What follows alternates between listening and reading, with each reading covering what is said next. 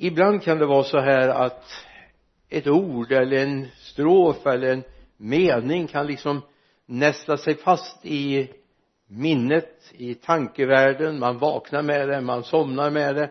Man går och grunnar på det. Och så har jag varit idag. Eller inför den här dagen ska jag säga. Under veckan. Jag visste egentligen inte vad jag skulle göra av det. Det bara ringde och ringde och påminner mig och påminner mig och det är ett uttryck som är så enkelt som medarbetare. Medarbetare. Så funderar jag en stund till. Till vem? Och för vad? Och då kom det här uttrycket Guds medarbetare. Guds medarbetare. Fascinerande. Och bara säga innan jag delar några bibelord att det är det jag känner den här dagen. Ni som har skickat in bibeltexter, tackämnen skrivit nya sånger. Ni som finns här i kyrkan idag som gör det möjligt att vi kan sända via Facebook och att vi har ljud. Vad är vi? Jo vi är Guds medarbetare. Vi är Guds medarbetare. Jag skulle bara vilja att vi känner du är en Guds medarbetare och Gud har användning för dig. Och Gud vill att du ska växa i din tjänst som medarbetare åt honom. Ännu mer. Vi ska gå till en text i första Korinthierbrevets tredje kapitel. Några verser från vers 8 den som planterar och den som vattnar är ett. Och var och en ska få sin lön efter sitt arbete. Vi är Guds medarbetare skriver Paulus och ni är Guds åker, Guds byggnad. Med den nåd som Gud gett mig har jag som en kunnig byggmästare lagt grunden och nu bygger en annan vidare på den. Men var och en måste tänka på hur han bygger. Ingen kan lägga en annan grund än den som är lagd nämligen Jesus Kristus. Ingen kan lägga en annan grund och å ena sidan skulle vi kunna säga att grunden la apostlarna. Ja den la Jesus. Ja den la Gud fader redan när han sa var det ljus? Så la han grunden till det vi är inne i. Men vi skulle också kunna säga så här på mycket närmare avstånd att de som en dag startade den här församlingen eller andra församlingar de la grunden för det vi håller på med idag. Det är inte så att det här med församling, Guds verk, att bygga det är inget som vi har kommit på i vår tid. Utan det är någonting som vi har fått ärva och som vi nu bygger vidare på. Men vi är Guds medarbetare. Och då skriver Petrus så här i sitt första brevs fjärde kapitel vers 10 tjäna varandra var och en med den nådegåva han har fått som goda förvaltare av Guds mångfaldiga nåd. Tjäna varandra. Det är också en del av att vara medarbetare, Guds medarbetare. Så smaka på det, du är en Guds medarbetare idag. Om du sitter hemma vid skärmen och har knäppt dina händer. Jag hörde för många år sedan en liten story en eh, familj nere i småländska bygderna som hade haft många barn. Jag tror det var tio barn om inte elva barn. Så det var en barnrik familj men nu var de utflugna. Alla hade dragit till Stockholm. Någon fanns i Skåne av dem. Och så en söndag så fyllde mor år och alla samlades hemma. Och de kom hem på lördagen och så sa de ja imorgon får ni äta frukost själva för jag går till kyrkan tidigt för jag ska leda gudstjänsten säger tant Viola. Och då blir jag alldeles häpna mamma du har väl aldrig lett en gudstjänst i baptistkyrkan på orten? Ja men det ska jag göra imorgon sa hon. Och de tänkte vi brukar ju aldrig gå med mor och far till kyrkan men det måste vi ju göra så de smög dit. Och satte sig längst bak och undrade hur ska det bli nu när mamma ska leda gudstjänsten? Men mamma rörde sig inte. Hon satt där. Hon alltid brukar sitta vid en pelare till läktaren med knäppta händer. Så när de kommer hem så säger de mamma du sa ju att du skulle leda gudstjänsten. Ja men vi hade en pastor här för ett tag sedan. Han sa det att de viktigaste för att leda gudstjänsten det är de som sitter och ber. Och det har jag satt ad nota. Så jag sitter och ber i hela gudstjänsten. Och det är precis det ni håller på med ni som sitter ute vid skärmarna nu va? Ni är med och ber för den här gudstjänsten och ni är med och tjänar på det sättet. Smaka på ordet Guds medarbetare. Kan det bli så mycket finare? Nej. Jag är tacksam för den uppväxt jag hade. Och när jag startade min predikantgärning för många år sedan så på min andra tjänst så fick jag vara medarbetare till en som jag än idag uppskattar och är väldigt tacksam för. Och nu är det snart 50 år sedan som jag, ja det är över 50 år sedan jag fick ha honom som och var medarbetare honom. Han var en kunnig kärleksfull omsorgsfull och väldigt sträng chef jag hade i kyrkan. Han var pastor och jag var medarbetare till honom. Och jag är tacksam till Gud för att jag fick vara hans medarbetare. Han var kunnig han var teolog han var oerhört driftig hade mycket tankar och idéer för att nå ut med evangeliet till människor. Men tänk att Erik som han hette älskar jag väldigt högt. Men tänk att jag får vara Guds medarbetare. Tänk att jag får vara hans. Och hela det här projektet vi håller på med alla församlingar runt om hela vår jord det är ju Guds idé som Gud har kallat in oss i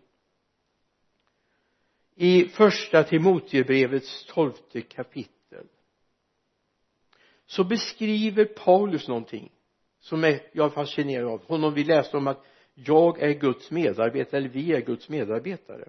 Så skriver han så här i tolfte versen första Timotebrevets första kapitel.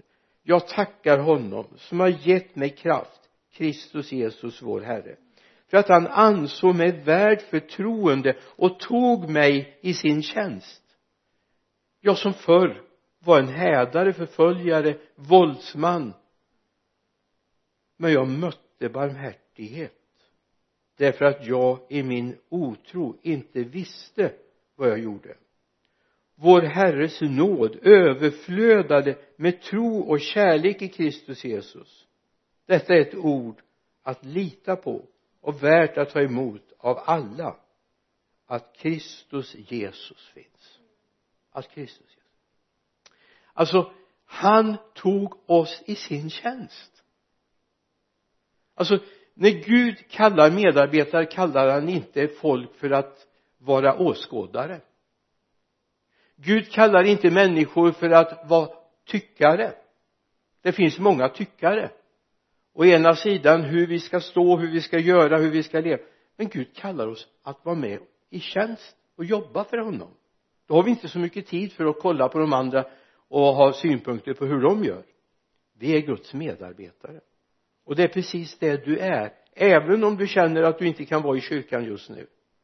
Men det är en spännande berättelse om Paulus. I apostlagärningarnas nionde kapitel.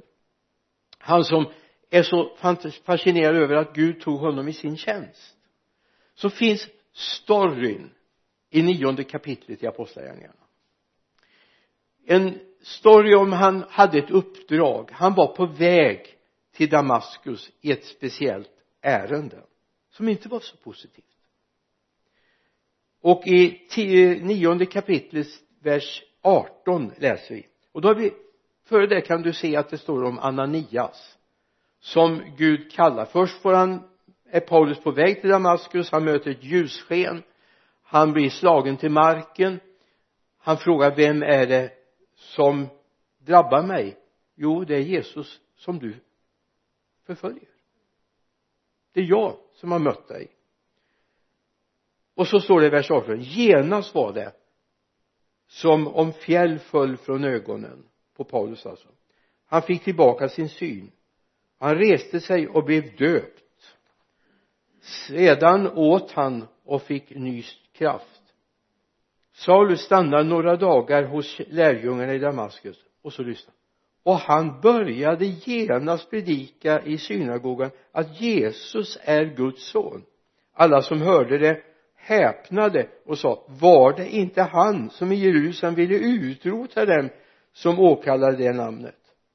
Och han kom och kom han inte hit för att gripa dem och föra dem till översteprästerna men Saulus fick allt större kraft och gjorde judarna i Damaskus svarslösa när han bevisade att Jesus är Messias. Jag tänkte hur många bibelskolor han Paulus gå på? Från omvändelsen till Gud tar honom i sin tjänst.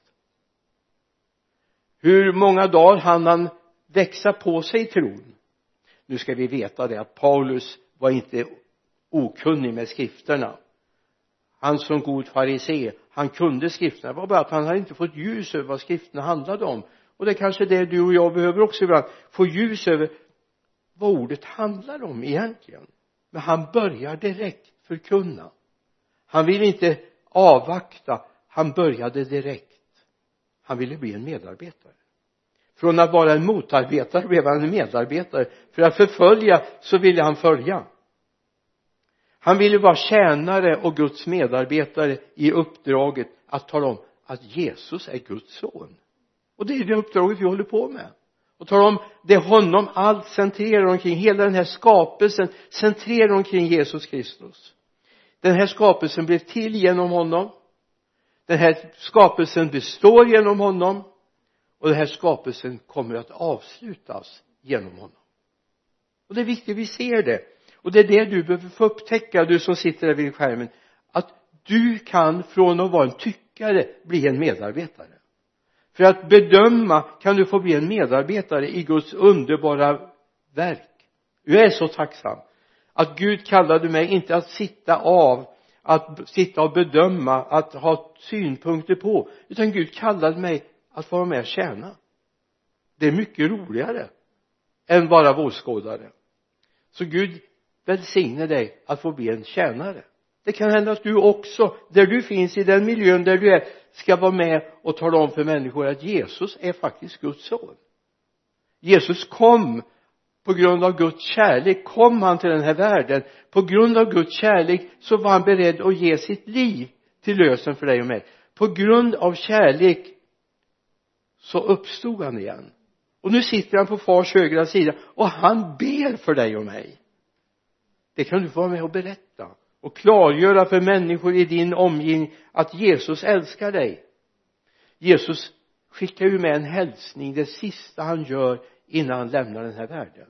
Du har det i Matteus evangeliet 28 kapitel med början på vers 19 gå därför ut och gör alla folk till lärjungar.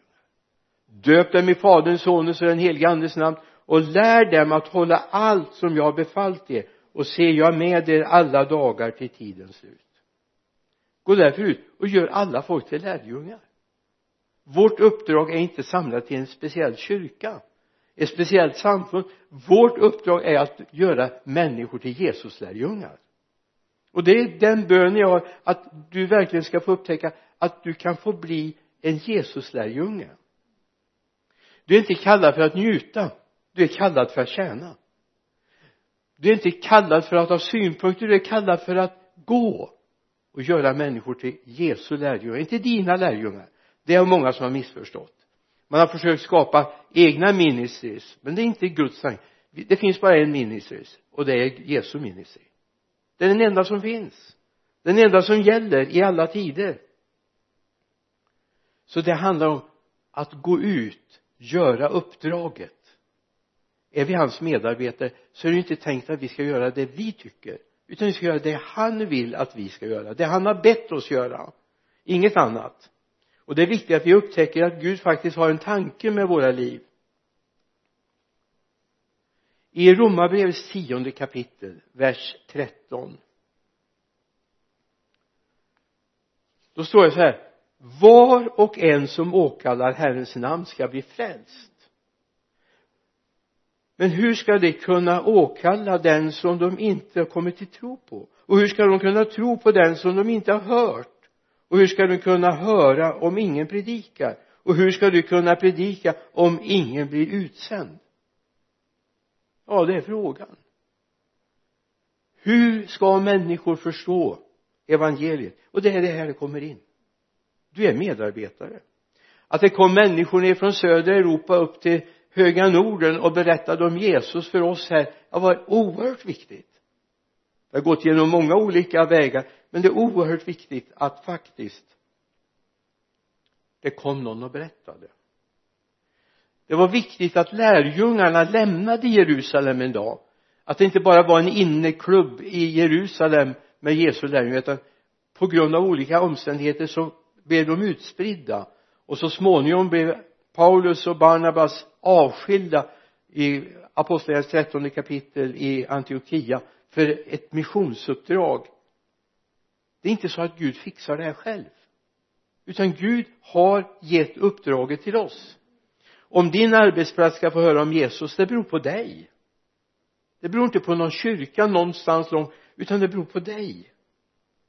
Och jag har tänkt så här ibland har vi en syn att ja men det här fixar ju Jesus vi ska inte lägga oss i. Men det är precis det han vill att du ska lägga dig i. Inte med dina synpunkter men med din tjänst. Det Gud vill. Jag har tänkt så här David och Goliat det är en sån här berättelse som många har hört om förmodar jag. Och hur David, lilla David slår stora Goliat. Och så tänkte man så här men det här kunde väl Gud fixat ändå? Ja det var Gud som fixade det helt klart. Men Gud behövde en David. Och ibland kan vi känna oss i den i den eh, positionen som David liten och svag men med Jesus med sig eller med Gud med sig i Herren Sebaots namn. Du har den där berättelsen i första, i första Samuelsbokens sjuttonde kapitel. Jag ska inte ta tid att läsa den jag vill bara att du läser hela det kapitlet. Och ska du se. Herren Israels här, Guds här var jätteoroliga de kände sig hånade och de backade undan. Den stora Goliat tre meter hög framträdde. Och så kände de vi har ingenting. Och hans spjut var som en vävbom. Har du sett en vävstol så vet du att det är inga små grejer. En ganska kraftig sak. Och då har man bra styrka i armar om man kan lyfta en sån och så ha en sköld framför sig. Men Gud kunde genom David vinna segern. Gud kunde genom David vinna segern. Och då tänkte jag var ska du vara med lilla du och vinna seger tillsammans med Gud? David fick ta bort röstningen som Saul ville låna ut till honom. Han fick plocka stenarna själv han fick ta sin slunga. Sen gjorde Gud resten. Och ibland är det så här Gud ber dig göra enkla saker och så tänker jag men det här kommer ju inte förslå. Ja, men mitt lilla vittnesbörd eller att jag skriver mitt vittnesbörd och delar ut det eller att jag försöker berätta för min arbetskamrat om Jesus det är ju bara som en liten slunga eller en liten sten mot en stor jätte. Men Gud vill ha det. Gud vill ha det. Och det tror jag är viktigt att se. Jag är medarbetare även om jag bara är en liten och svag i förhållande det stora starka Goliat på din arbetsplats. Att få vara medarbetare åt Gud. Det finns lite olika synsätt hur man kan se på det här men jag skulle vilja bara säga jag är tacksam till att jag får vara Guds medarbetare. Om jag klarar av så mycket det är en sak men Gud kan så mycket mer. Och jag har sagt Gud använd mig till det du vill. Bibeln är full av berättelser om medarbetare till Gud. Vi har en Noa, vi har en Abraham, vi har en Mose, vi har en Josua. Vi har profeterna i gamla testamentet och vi har lärjungarna i nya testamentet som Gud använder. De var inga speciella människor de var inte ur någon speciell släkt på det sättet. Så de var starka och stora. De var inte som jättarna Akans barn utan de var vanliga människor.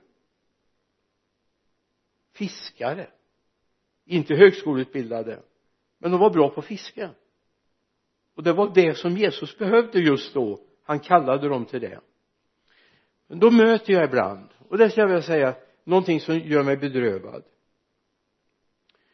Det finns två tycker jag tragiska synsätt på det här vad Guds medarbetare.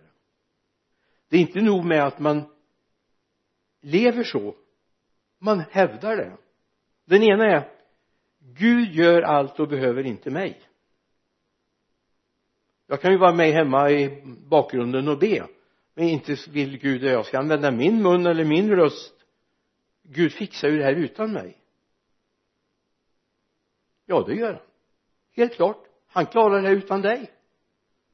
Men Gud vill använda dig. Alltså det ligger i Guds gener på något sätt att få använda sin skapelse det är därför vi är skapade, satta till den här världen för att människor ska få höra evangeliet om Jesus. Och det är viktigt att se det så vi inte börjar tänka ja men vad ska Gud med mig till? Jag springer ju bara i vägen. Okej okay, det gjorde jag när jag var litet barn och försökte hjälpa pappa ibland hemma i handelsträdgården. Då var jag säkert mer i vägen än till nytta men han var glad att jag var med ändå. Men så ser inte Gud på det jag har ju gett dig allt och lagt så mycket i ditt liv som jag vill använda. Så det första tappa inte bort att Gud vill använda dig. Det andra synsättet som också gör mig bekymrad det är att ja Gud är det, det är bra med Gud men Gud är bara summan av det vi kan åstadkomma. Då blir det en väldigt liten Gud alltså jag hörde det bara i en radioandakt eller tv-gudstjänst här bara för en kort tid sedan. Någon som bara sa så här Gud är summan av alla goda gärningar. Ja, Gud är goda gärningar, ja det är sant. Men han är inte summan av det för då blir Gud väldigt liten.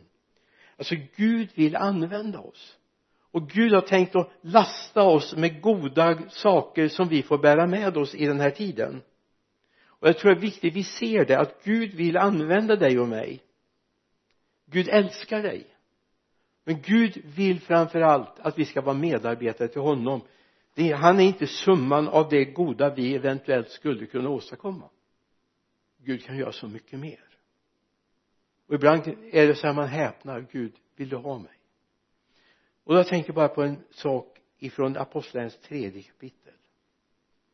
Två av fiskarna som har blivit Jesu lärjungar och som hade varit med i den häftiga upplevelsen på pingstdagen kapitel 2 men i tredje kapitlet så står det om Petrus. Tredje kapitel vers 6 men Petrus sa silver och guld har jag inte men vad jag har det ger jag dig i Jesu Kristi Nazarens namn. Res dig och gå. Och så händer det. Och så händer det. Så händer det och jag bara fångas upp det. Men vad jag har det ger jag dig. Jag skulle bara vilja att du efter den här gudstjänsten ställer dig vid spegeln tittar dig rakt in i ögonen själv och bara säg tack Jesus för vad du har lagt ner i mitt liv. Tack för vad du har lagt ner i mitt liv. Dina händer kan förmedla helande. Dina ord kan förmedla tröst dina ord kan peka på Jesus. Ditt liv kan peka på honom. Så du får människor som säger tack för att du visade mig vägen till Jesus.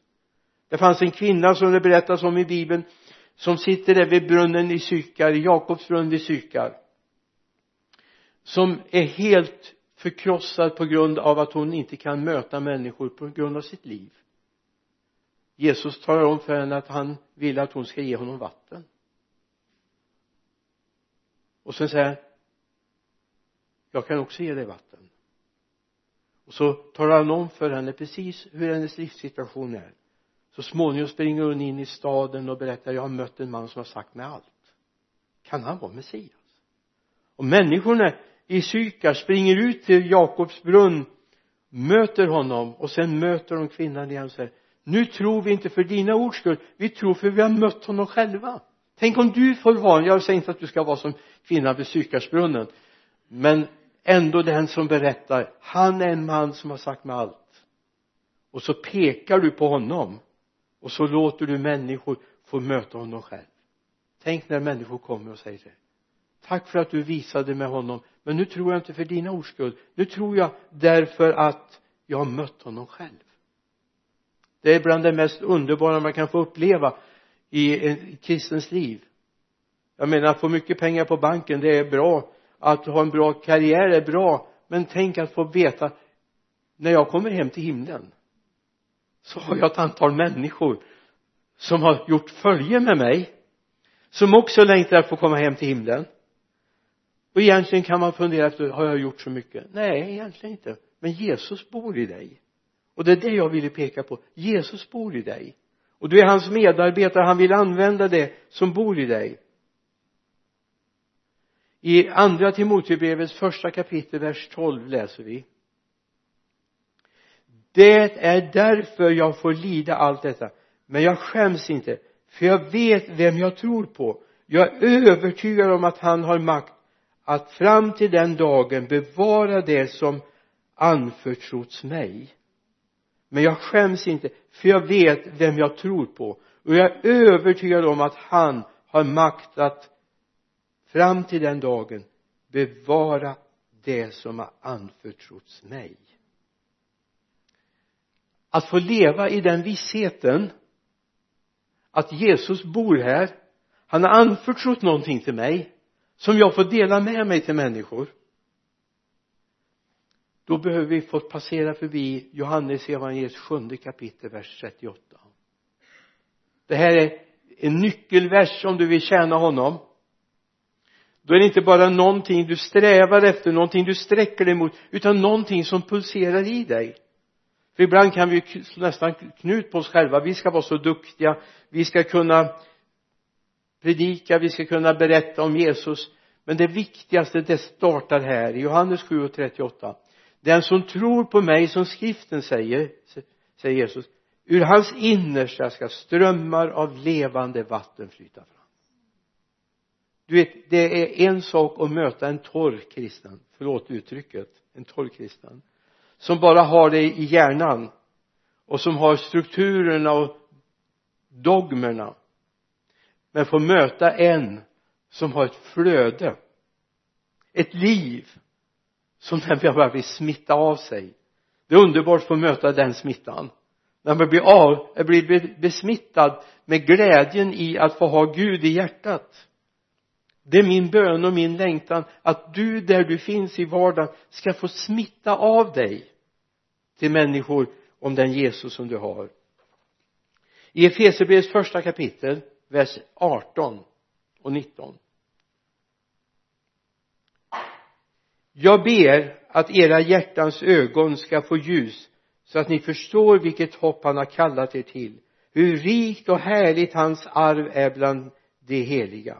Och hur oerhört stor hans makt är i oss som tror därför att hans väldiga kraft har varit verksam. Jag ber att era hjärtans ögon ska få ljus så att ni förstår vilket hopp han har kallat er till. Hur rikt och härligt hans arv är bland de heliga. Och hur oerhört stor hans makt är i oss som tror därför att hans väldiga kraft har varit verksam. Amen. Det är den bönen jag har i mitt hjärta när jag ställer mig här och predikar den här söndagen. Bönen om att det ska flöda ett liv ifrån mig så att du förstår att det är inte bara läror som jag försöker förmedla utan det är någonting som bubblar i mitt inre. Jag fattar inte riktigt att Gud överhuvudtaget anförtrodde mig. Jag hade en väldigt svår resa i mina tonår och var egentligen inte alls värdig det uppdrag jag fick. Men Gud är nådig. Gud är stor. Han sa att det är ju inte det du ska ut och berätta om ditt gamla liv. Tyvärr är det många som har missat det. Man berättar 90 procent av sitt gamla liv och så har man en liten knorr på slutet och man säger och så kom Jesus och frälste mig. Det är bättre att det är 10 procent av det gamla och 90 procent av det nya. Och jag har avstått att berätta om mitt gamla liv. Det var inte mycket att hyvas över men jag är tacksam för att jag får vara med. Och i Efesierbrevets tredje kapitel vi bläddrar två kapitel framåt vers 20 han som kan göra långt mycket mer än allt vi ber om eller tänker oss genom den kraft som verkar i oss. Hans är äran i församlingen och i Kristus Jesus genom alla generationer i evigheters evigheter. Amen. Han som gör långt mycket mer än allt vi ber om eller tänker oss genom den kraft som verkar i alla andra. Nej, i oss. I dig och mig. Förstår du varför du ska stå vid spegeln och säga tack Gud för det här du har lagt ner i mig. Tack för att du har gjort det i mig. Att jag får vara din tjänare att jag får vara din tjänarinna. Att du har plats för mig i ditt medarbetarteam. Du vet när jag var pojk så spelade vi fotboll hemma på baksidan av våran gård. Vi hade en stor gräsmatta där. Där samlas pojkarna. Flickor var inte med och sparkade så mycket fotboll på den tiden. Jag vet inte det var nog vår grabbars att vi var lite eh, leds, eller, tråkiga mot tjejer. Jag är rädd för det. Gud förlåt oss. Men vi var den tidens folk. Det är rätt många år sedan nu. Och då valde vi lag. Och några av oss bland annat jag blev sällan vald utan men du kan ju vara bollkalle bakom målet. Så gör inte Gud. Så gör inte Gud. Alla är valda. Alla är utrustade. Alla har han lagt ner sina gåvor i vi kan ha olika lätt för att tala, att uttrycka oss, att sjunga, spela. Men alla har någonting som Gud har lagt ner i oss. För den mäktiga kraft som är verksam i oss. Den mäktiga kraften, den stora kraft som är verksam i oss.